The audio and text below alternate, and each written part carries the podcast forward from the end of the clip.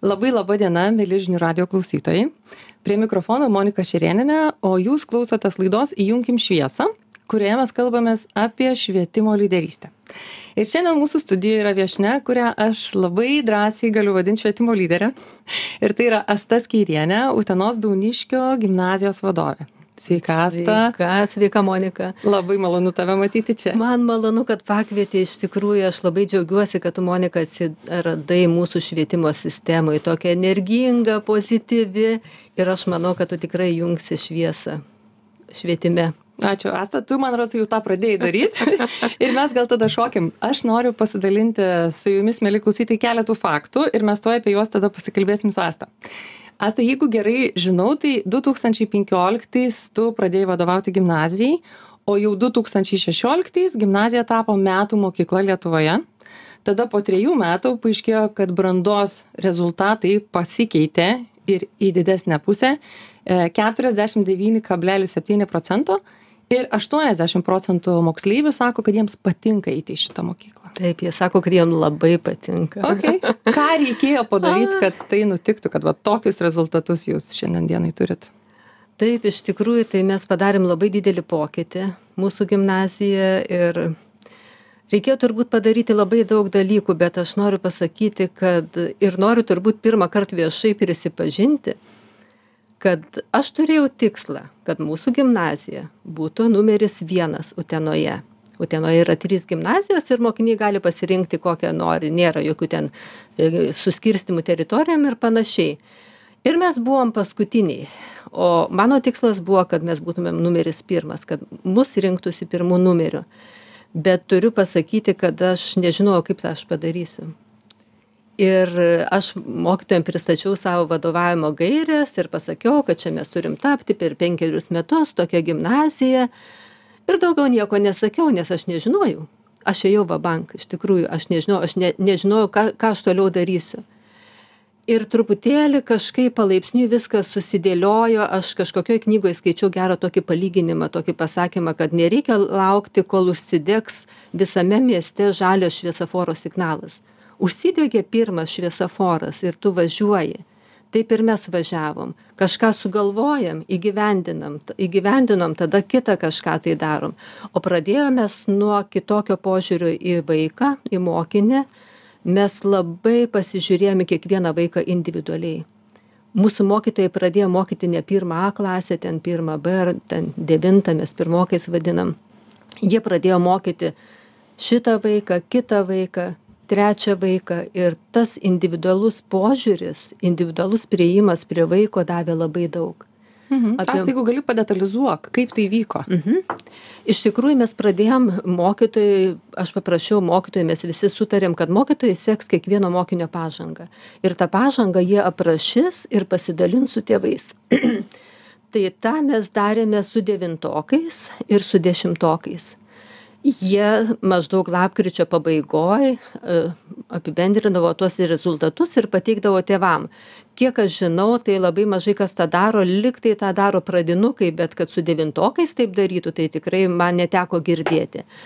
Na ir ką atėjo tėvų susirinkimo laikas ir prieš tėvų susirinkimą mokytojai išsiuntė tuos aprašymus tai tėvai buvo nustebę ir mes girdėjom tokių atgarsių mūsų viena mokytoja pasakojo sako aš sėdžiu kirpykloj ir sako šalia manęs kalbasi dvi moterys jos nežino kas aš esu ir jos kalbasi nu vat įsivaizduoji sako mes iš visų mokytojų gavom aprašymus.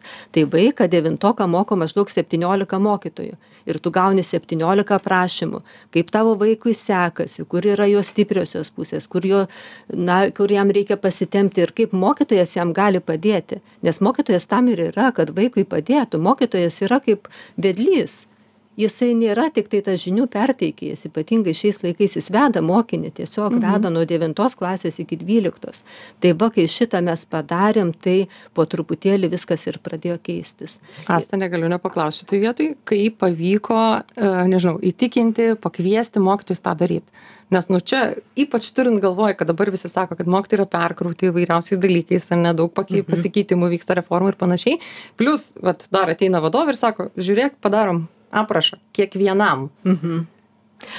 Na, iš tikrųjų, turbūt jie yra patys nuostabiausi mokytojai Lietuvoje.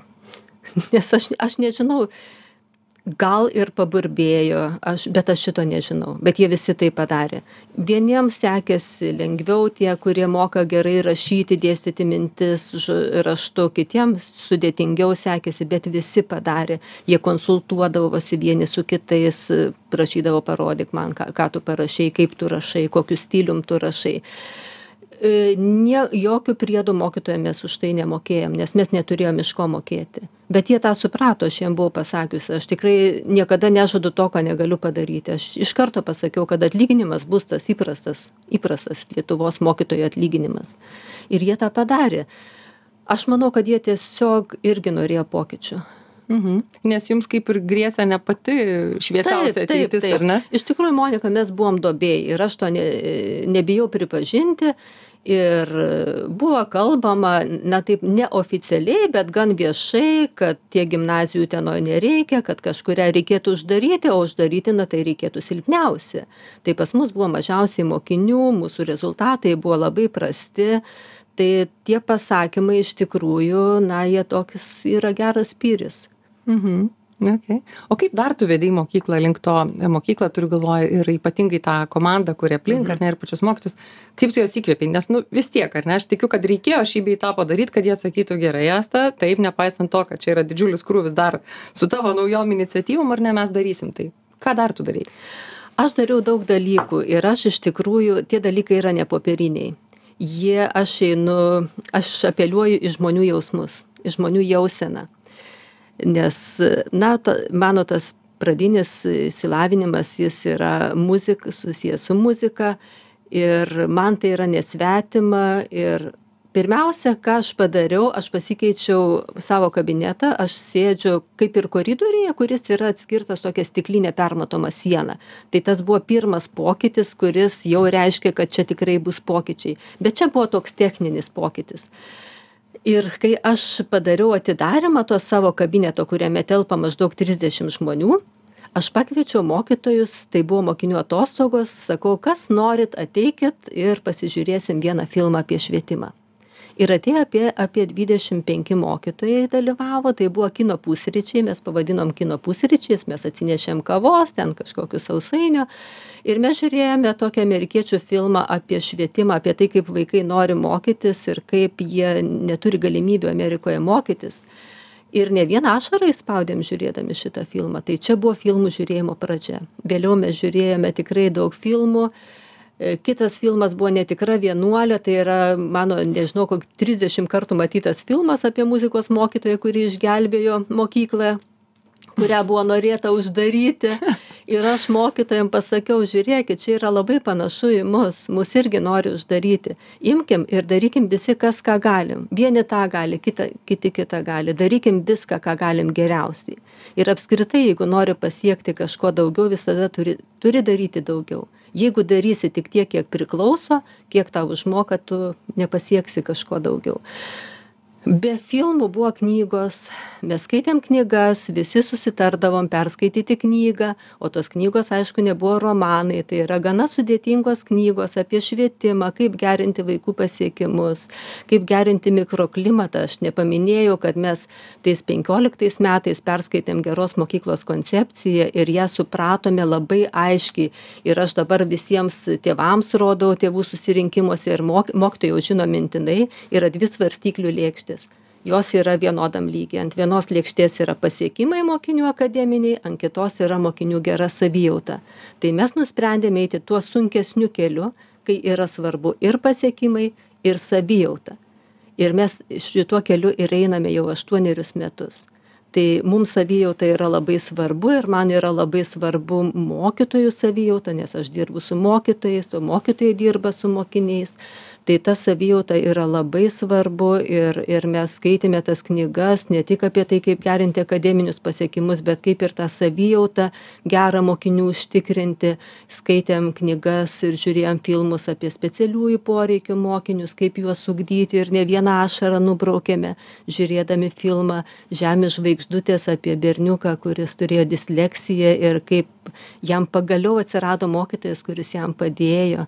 Arba apie arba gerumo stebuklas apie vaiką kuris buvo subjaurotu veidu ir jis bijojo eiti į mokyklą ir eidavo su šalmu ir kaip jam padėjo klasės draugai. Tai super. Jau matau kad sąrašiuką reik darytis ar ne tavęs beklausant.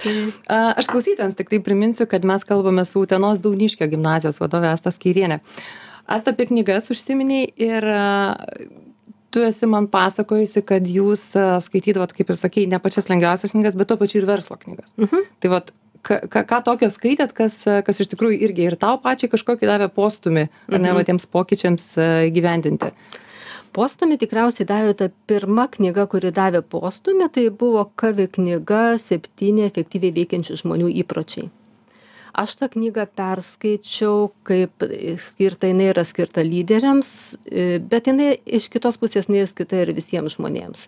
Nes visi mes esam lyderiai tam tikrose srityse.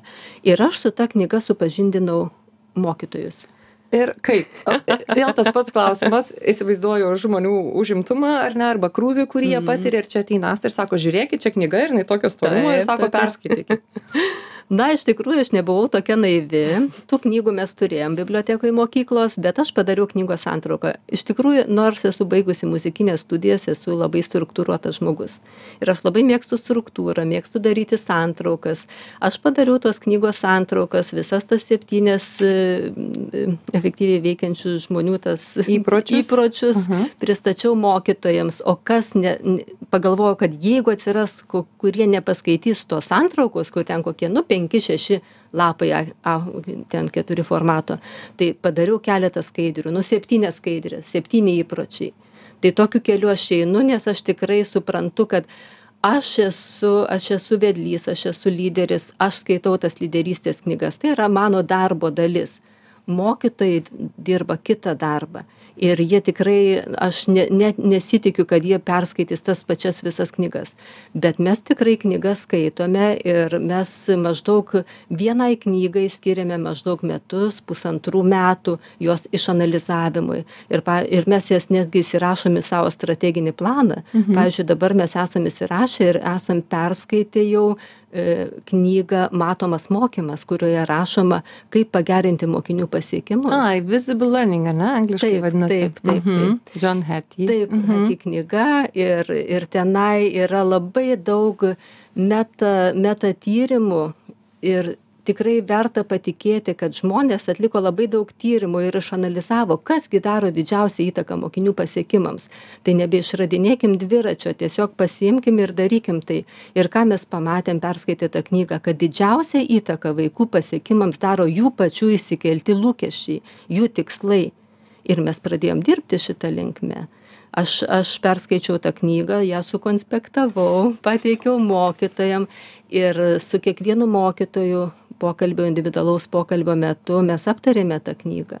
Ir aš mačiau, kad mokytojai tikrai perskaitė, jie ateina atsispausdinę mano tą konspektėlį, pasibraukę, prisirašę dar savo pastabų, aš reiškia, žinau, kad jie skaitė ir ir taip mes darome su visom knygom. Tai dabar ant mano stalo jau yra kita knyga ir mes jai vėlgi skirsim maždaug metus pusantrų metų kol mes įvaldysim šitą knygą. Supratau tai jūs ne tiesiog skaitot bet ir darot aptarimus kas yra taip žiauriai taip svarbu. taip taip. Okei a, aš taip pat pradžioj paminėjau ir tu patvirtinai kad vaikai yra labai patenkinti. Aštuoniasdešim procentų vaikų yra labai patenkinti eidami lankydami šitą mokyklą. Mm, kaip jūs tą matuojat mes darome apklausas ir apklausų per metus padarome maždaug tris dvi tris labai dideles apklausas. Viena apklausa yra socialinio emocinio instituto apklausa kur dalyvauja visi vaikai visi darbuotojai ne tik mokytojai ir visi tėvai. Tai šita apklausa parodo labai daug ir iš tenai mes pamatome visus tuos minkštuosius dalykus visą mikroklimatą tai labai džiaugiamės kad vaikai yra patenkinti ypatingai yra patenkinti tėvai nes vaikai mūsų vaikai yra paaugliai nuo devintos iki dvyliktos klasės jiem galbūt ne visada yra lengva įvertinti tą mikroklimatą nes gali tu gali gauti blogesnį pažymį tau tada gali atrodyti kad tas mokytojas yra kažkoks negeras. O tėvai jie yra suaugę subrendę žmonės ir jie labai puikiai supranta ka kaip mes stengiamės dėl jų vaikų. O dėl vaikų mes tikrai stengiamės ir aš ne kartą esu sakius ir savo kolegoms kad į kiekvieną vaiką žiūrėkime kaip į savo vaiką kaip į savo sūnėną į savo dukterėčią į savo krikštavaikį nes e, mes visi norime kad su mūsų vaikais elgtųsi gerai. Mano dukros taip pat jos yra baigę šitą gimnaziją dabar aš jau turiu anūką kuris yra pirmokas ir aš irgi noriu kad su juo mokykloje elgtųsi gražiai kad būtų geras mikroklimatas tai aš tą patį noriu užtikrinti savo gimnazijoj Mhm. mūsų Asta, o kaip gimnazijoj tėvai pajunta vat, tos dalykus? Ne? Tai vienas dalykas yra, ką transliuoja vaikai, ar Mhm. negrįžę, kaip jie supranta va, tas Mhm. jūsų dedamas pastangas. Kaip jūs juos įtraukėt, tai nežinau, į tą. Na, tėvai pas mus ateina mažiausiai tris kartus per metus ateina į gimnaziją. Gali pasirodyti, kad tai nėra daug, bet suaugusiems vaikams tai yra daug tris kartus ateiti. Ir taip jau pas mus nebebūna tokių bendrų susirinkimų, į kuriuos tėvai nenori eiti, kad ten kažkokias ten kalbės bendrus dalykus. Jokių bendrų dalykų mes nekalbam iš tikrųjų. Mes darome tokius kaip turgelius, mes vadinam turgeliais. Ateina, pavyzdžiui, pirmos C klasės tėvai ir vaikai ir mokytojai. Ir jie keletą valandų kalbasi, eina nuo vieno prie kito mokytojo ir kalbasi. Ir taip tėvai pajunta, koks yra požiūris į jų vaiką. Taip pat mes darome individualius pokalbius. Kiekvienas e, auklėtojas, klasės vadovas pakviečia vaiką ir tėvelį į individualius pokalbius. Ir tam skiria maždaug valandą laiko, kol aptarė viską, kas, kas vyksta, kaip vaikui sekasi, kodėl jis kai kažkur stringa, kodėl jam nesiseka. Mes taip pat darome, mūsų socialinė pedagogė ir psichologė daro stovyklą tėvams.